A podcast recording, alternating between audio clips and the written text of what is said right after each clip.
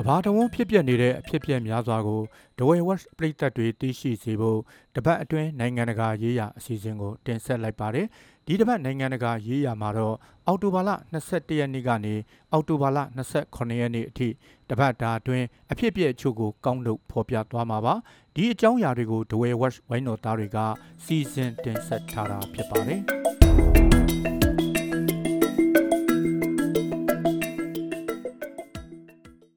ဂါဇာဒေသမြောက်ပိုင်းကိုအစ္စရေးစစ်တပ်ကအောက်တိုဘာလ26ရက်နေ့မှာဝင်ရောက်ခဲ့ပြီးဟာမတ်စ်စစ်သွေးကြွတွေရဲ့ပြစ်မှတ်တော်တော်များများကိုတိုက်ခိုက်ခဲ့တယ်လို့အစ္စရေးစစ်တပ်ကပြောကြားလိုက်ပါတယ်။ရက်20လောက်ကြာလာခဲ့တဲ့စစ်ပွဲမှာအစ္စရေးစစ်တပ်ကမြေပြင်ကနေပထမဆုံးဝင်ရောက်တိုက်ခိုက်တာပါစစ်ပွဲကိုနောက်တစ်ဆင့်တက်ဖို့ပြင်ဆင်တဲ့စစ်စင်ရေးတစ်ခုဖြစ်တယ်လို့အစ္စရေးကာကွယ်ရေးဝန်ကြီးကပြောကြားခဲ့ပါတယ်။ တက်ကားတွေစစ်ကူတွေနဲ့ဂါဇာမြောက်ပိုင်းကိုဝင်ရောက်တိုက်ခိုက်ခဲ့တာပါအကြမ်းဖက်သမားတွေကိုတုတ်တင်နိုင်ခဲ့သလိုဟာမတ်စ်တို့ရဲ့အခြေခံအဆောက်အုံတွေကိုလည်းဖျက်ဆီးနိုင်ခဲ့တယ်လို့အစ္စရေးစစ်တပ်ကပြောကြားခဲ့ပါတယ်ညလုံးပေါက်တိုက်ခိုက်ခဲ့ပြီးတဲ့နောက်အစ္စရေးစစ်တပ်တွေဂါဇာဒေသကနေချက်ချင်းတပ်ပြန်ဆုတ်ခဲ့တယ်လို့ဆိုပါတယ်အစ္စရေးဟာမတ်စ်တိုက်ပွဲကြောင့်အစ္စရေးဘက်ကတေဆုံးသူ1400ကျော်ရှိခဲ့တယ်လို့လေကြောင်းတိုက်ခိုက်ခံရလို့ ဂါဇာဒေသဘက်မှာတေဆုံးသူ6000ကျော်လာခဲ့ပါပြီပြင်သစ်သမ္မတအမန်နျူရယ်မက်ခရွန်ဟာ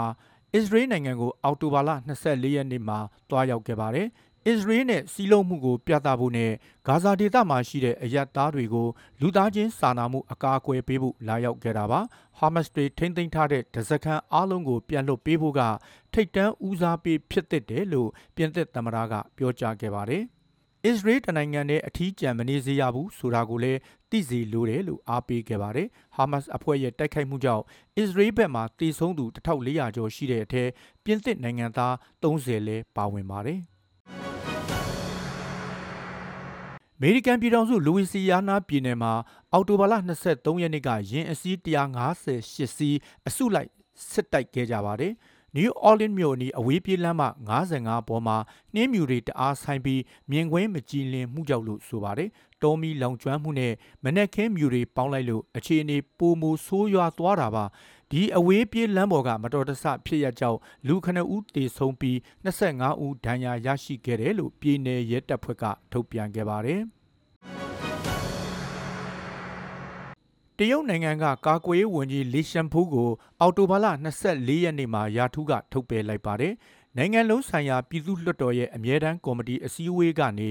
အသက်65နှစ်ရှိပြီဖြစ်တဲ့မစ္စတာလီကိုဖယ်ရှားလိုက်တာပါမစ္စတာလီရှန်ဖူးကိုဖယ်ရှားလိုက်ရတဲ့အကြောင်းရင်းကိုတော့ပြောပြထားခြင်းမရှိသေးသလိုဝန်ကြီးအသက်ကိုလည်းမခတ်ထားသေးပါဘူးသူ့ကိုခတ်ထားပြီး9လအကြာမှာဖယ်ရှားလိုက်တာဖြစ်ပြီးပြီးခဲ့တဲ့ဩဂုတ်လကတည်းကလူမြင်ကွင်းမှာမတွေ့ရတော့ပါဘူးရခိုင်နိုင်ငံခြားရေးဝန်ကြီးချင်းဂန်ကိုလည်းနိုင်ငံတော်ကောင်စီဝင်ယာထူးကနေဖယ်ရှားခဲ့ပါသေးတယ်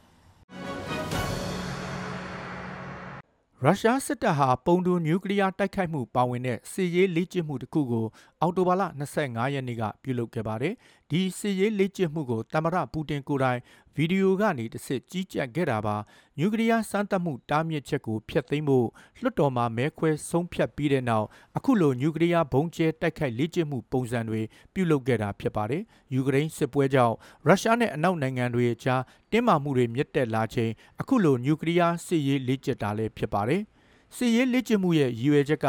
ရန်သူရဲ့ထိုးစစ်ဆင်တဲ့တပ်ဖွဲ့တွေနဲ့နျူကလ িয়ার တိုက်ခိုက်မှုတွေကိုရုရှားဘက်ကတုံ့ပြန်နိုင်ဖို့လက်ကျစ်တာလို့ကာကွယ်ရေးဝန်ကြီးကဆိုပါတယ်ဘင်္ဂလားဒေ့ရှ်နိုင်ငံမှာဆိုင်ကလုန်းဟာမွန်ဝင်ရောက်တိုက်ခိုက်မှုကြောင့်လူပေါင်း2သိန်း9000ခန့်အောက်တိုဘာလ25ရက်နေ့မှာဘေးလွတ်ရာတိမ်းရှောင်ခဲ့ကြရပါတယ်။ သစ်ပင်နဲ့အဆောက်အအုံတွေပြိုကျတဲ့အတွက်လူ2ဦးသေဆုံးပြီးအ ਨੇ ဆုံးလူ10ဦးဒဏ်ရာရရှိခဲ့တာပါကမ်းရိုးတန်းကျေးရွာတွေနဲ့ကျွန်းတွေမှာမိုးတဲထန်စွာရွာသွန်းခဲ့လို့လျှက်စစ်ဓာတ်အားလိုင်းတွေပြတ်တောက်ကုန်ပါတယ်။မုန်တိုင်းဟာအောက်တိုဘာလ25ရက်နေ့နဲ့အစောပိုင်းမှာစစ်တကောင်းနဲ့ကော့ပစားကမ်းရိုးတန်းခရိုင်ကုန်းတွင်းပိုင်းတွေကိုလေတိုင်နှုန်းတနာရီ65မိုင်ထိတိုက်ခတ်ခဲ့ပါတယ်။ အမေရိကန်ပြည်ထောင်စုမှာ Republican အောက်လွှတ်တော်အမတ် Mike Johnson ကိုအောက်လွှတ်တော်ဥက္ကဋ္ဌအဖြစ်အောက်တိုဘာလ25ရက်နေ့မှာရွေးချယ်လိုက်ကြပါတယ်။အောက်လွှတ်တော်ဥက္ကဋ္ဌနေရာကို22ရက်ကြာလက်ဟာနေပြီးတဲ့နောက်ရွေးချယ်လိုက်ကြတာပါသူ့ကိုအောက်လွှတ်တော်ကနေထောက်ခံမဲ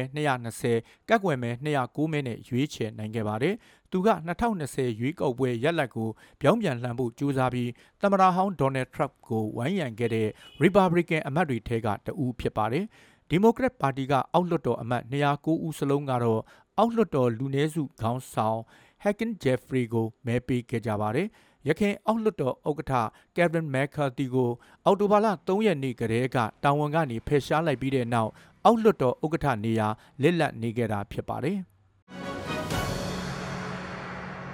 မေရိကန်အရှေ့မြောက်ဘက်ဂျန်မိန်ပြည်နယ်အတွင်းအော်တိုဘာလ25ရက်ကတနက်ပစ်ခတ်မှုဖြစ်ပွားခဲ့ပြီးအ ਨੇ ဆုံးလူ18ဦးသေဆုံးခဲ့က73ဦးဒဏ်ရာရရှိခဲ့ပါတယ်။သနတ်သမား Robert Cut ဟာတနက်ပစ်လက်ကျစ်ပေးရေးဆရာတဦးဖြစ်တယ်လို့အမေရိကန်အရန်တပ်ဖွဲ့ဝင်တဦးလည်းဖြစ်နေတာပါ။သူဟာဘိုးရင်အကစားဆိုင်တစ်ခုထဲဝင်သွားပြီးမောင်းပြန်တနက်နဲ့ပစ်ခတ်သွားခဲ့ပါတယ်။ အဲ့ဒီနောက်အနီးဝန်းကျင်က skit gaze ဆိုတဲ့ဘားနဲ့အကင်ဆိုင်ကိုထပ်ဝင်ခဲ့ပြီးပြစ်ခတ်ခဲ့ပါသေးတယ်။ဒါကြောင့်ဘိုးရင်ဆိုင်ထဲခုနှစ်ဦးတေဆုံးပြီး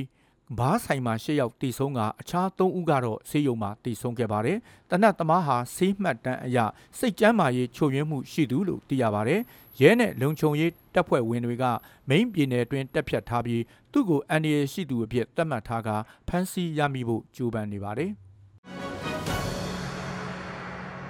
ကမ္ဘာအသက်အကြီးဆုံးခွေးအဖြစ်ဂင်းနစ်စံချိန်တင်နိုင်ခဲ့တဲ့ခွေးကြီးဘော်ဘီဟာ32နှစ်အရွယ်အောက်တိုဘာလ22ရက်မှာတေဆုံးသွားခဲ့ပါပြီ။သူ့ကိုပြီးခဲ့တဲ့ဖေဖော်ဝါရီလကဘော်ဘီဟာကမ္ဘာအသက်အကြီးဆုံးခွေးအဖြစ်ဂင်းနစ်စံချိန်တင်ထားခဲ့တာပါ။ဘော်ဘီဟာပေါ်တူဂီနိုင်ငံအလဲပိုင်းကရွာငယ်လေးမှာနေထိုင်ပြီးပေါ်တူဂီခြံစောက်ခွေးမျိုးစိတ်ဖြစ်တဲ့ Ravero ခွေးတစ်ကောင်ဖြစ်ပါတယ်။ Ravero ခွေးတွေဟာတက်တန်း12နှစ်ကနေ14နှစ်ကြားပဲရှင်သန်နိုင်လိမ့်ရှိပေမဲ့ဘော်ဘီကတော့30တနှစ်အထိအသက်ရှည်ခဲ့ပါတယ်။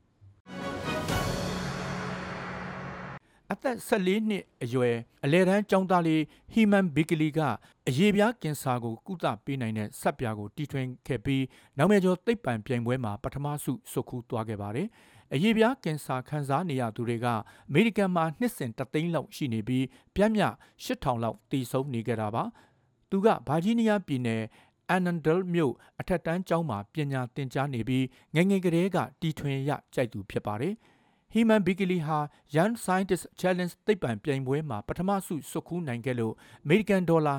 2500ရရှိခဲ့ပါတယ်။သူဟာဆက်ပြာကိုတီထွင်ဖို့အချိန်၄လကြာခဲ့ပြီးဆက်ပြာတန်ဖိုးကလည်းဒေါ်လာ30အောက်သာရှိနေခဲ့ပါတယ်။သူဟာအီသီယိုးပီးယားမှာနေထိုင်စဉ်လူတွေနေပူပူအောက်အလုတ်လုတ်နေကြတာကိုမြင်ပြီးအိုင်ဒီယာရရှိခဲ့တယ်လို့ဆိုပါတယ်။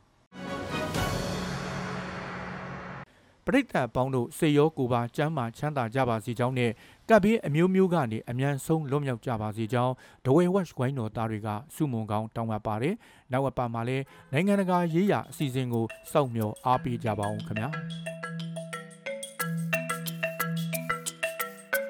။